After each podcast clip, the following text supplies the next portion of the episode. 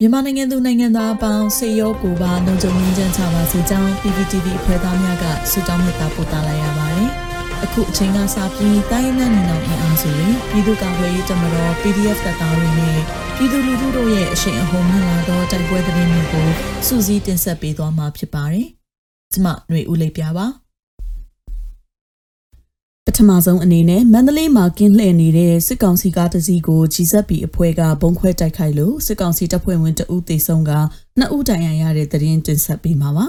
။မန္တလေးမြို့မဟာအောင်မြေမြို့နယ်တန်လျက်မွန်အနောက်ပင်မ30ရက်ကွက်တားတက်ယုံအနီးတွင်ယနေ့အောက်တိုဘာလ30ရက်နေ့နနက်8:45မိနစ်တွင်အကြမ်းဖက်စစ်ကောင်စီတပ်ဖွဲ့များကင်းလှည့်နေတဲ့ကားတစ်စီးကို မန္တလေးပြည်သူ့ကာကွယ်ရေးပျောက်ကြားတပ်ဖွဲ့ဖြစ်တဲ့ Generation Z Power GZP အဖွဲ့က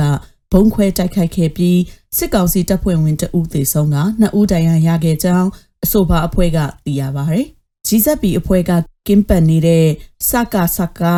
YGN 7N မြင်းဆောင်6161ပါဂျေရိုခဲရောင်အား ပောက်ခွဲဖျက်ဆီးခဲ့ကြောင်းစက္ကဆာ3ဦးစိုးရင်ရဒဏ်ရာရရှိပြီးတဦးမှတိတ်ဆုံးသွားတယ်လို့နောက်ဆက်တွဲသတင်းအနေဖြင့်သိရှိရကြောင်းအဆိုပါအဖွဲ့ကထုတ်ပြန်ထားပါတယ်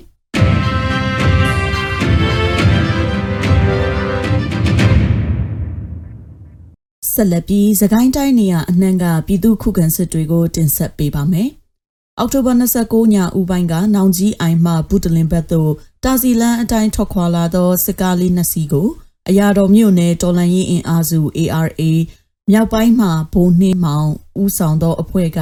မိုင်းဆွဲတိုက်ခိုက်ခဲ့ကြောင်းည၈နာရီခန့်အချိန်အရာတော်ဘုတလင်နယ်ဆက်အနီးတွင်မိုင်းဆွဲတိုက်ခိုက်ခဲ့ခြင်းဖြစ်ပြီးအကြမ်းဖက်စစ်တပ်ကဆက်လက်၍အမြန်မောင်းမြင်သွားတော်လဲကားလေးနှစ်စီးအနက်တစည်းမှာရေဦးလန်းဆောင်အနီးတွင်ထိုးရက်သွားကြောင်းသိရှိရပါသည် အလားတူမုံရွာမြို့မှရွှေဘိုမြို့သို့ဦးတီထွက်ခွာလာသည့်စစ်ကောင်စီရင်တန်းကိုအရာတော်မြို့နယ်တွင် အောက်တိုဘာလ29ရက်ညနေ9နာရီကျော်အချိန်အရာတော် PDF နဲ့မဟာမိတ်တပ်ဖွဲ့များပူးပေါင်းပြီးဇရစ်ရွာအနီးမှာမိုင်းခွဲတိုက်ခိုက်ခဲ့ကြောင်းမြေမြုပ်မိုင်း19လုံးဖြင့်တိုက်ခိုက်ခဲ့သည့်အပြင်ရှော့တိုက်တုံး14လုံးဖြင့်တိုက်ခိုက်ခဲ့ကြောင်း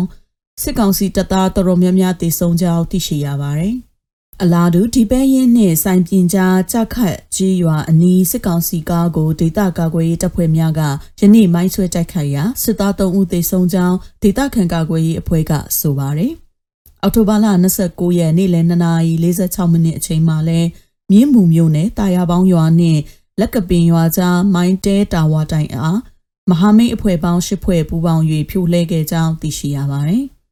ဒါအပြင်ကံဘလူးမှာလည်းစစ်အုပ်စုပိုင်း MEC တကြားစက်ယုံတို့တွေ့တန်းထားသောတပ်အားလိုင်းအား KBU UG ကယနေ့ထပ်မံမိုင်းခွဲဖျက်ဆီးလိုက်ကြောင်း KBU UG ကဆိုပါတယ်ရှင်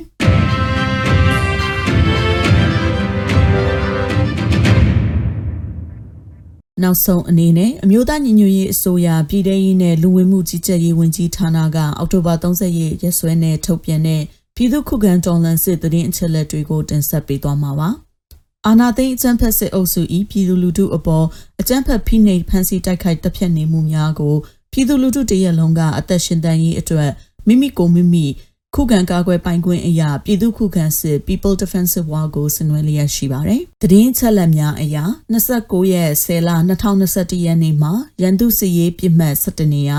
အုပ်ချုပ်ရေးပြစ်မှတ်15နေရာနဲ့စီးပွားရေးပြစ်မှတ်6နေရာတို့ကိုခုခံတိုက်ခိုက်နိုင်ခဲ့ပါတယ်။စစ်အာဏာရှင်စနစ်မြမမြေပေါ်မှာအပြည့်တိုင်ချုပ်ငြင်းရေးနဲ့ Federal Democracy တိဆောက်ရေးအတွက်ငြိမ်းချမ်းစွာဆန္ဒပြတဲ့လူထုတပိတ်တိုက်ပွဲများကပြည်내နဲ့တိုင်းဒေသကြီးများတွင် ဖြစ်ပွားပေါ်ပေါက်လျက်ရှိပါတယ်။မြေပြင်တွင်ယခုတွေ့ရတဲ့သတင်းအချက်အလက်များအထက်ပို၍ဖြစ်ပွားနိုင်ပါတယ်ရှင်။ရေတော်ဘုံအောင်ရမည်ရေတော်ဘုံအောင်ရမည်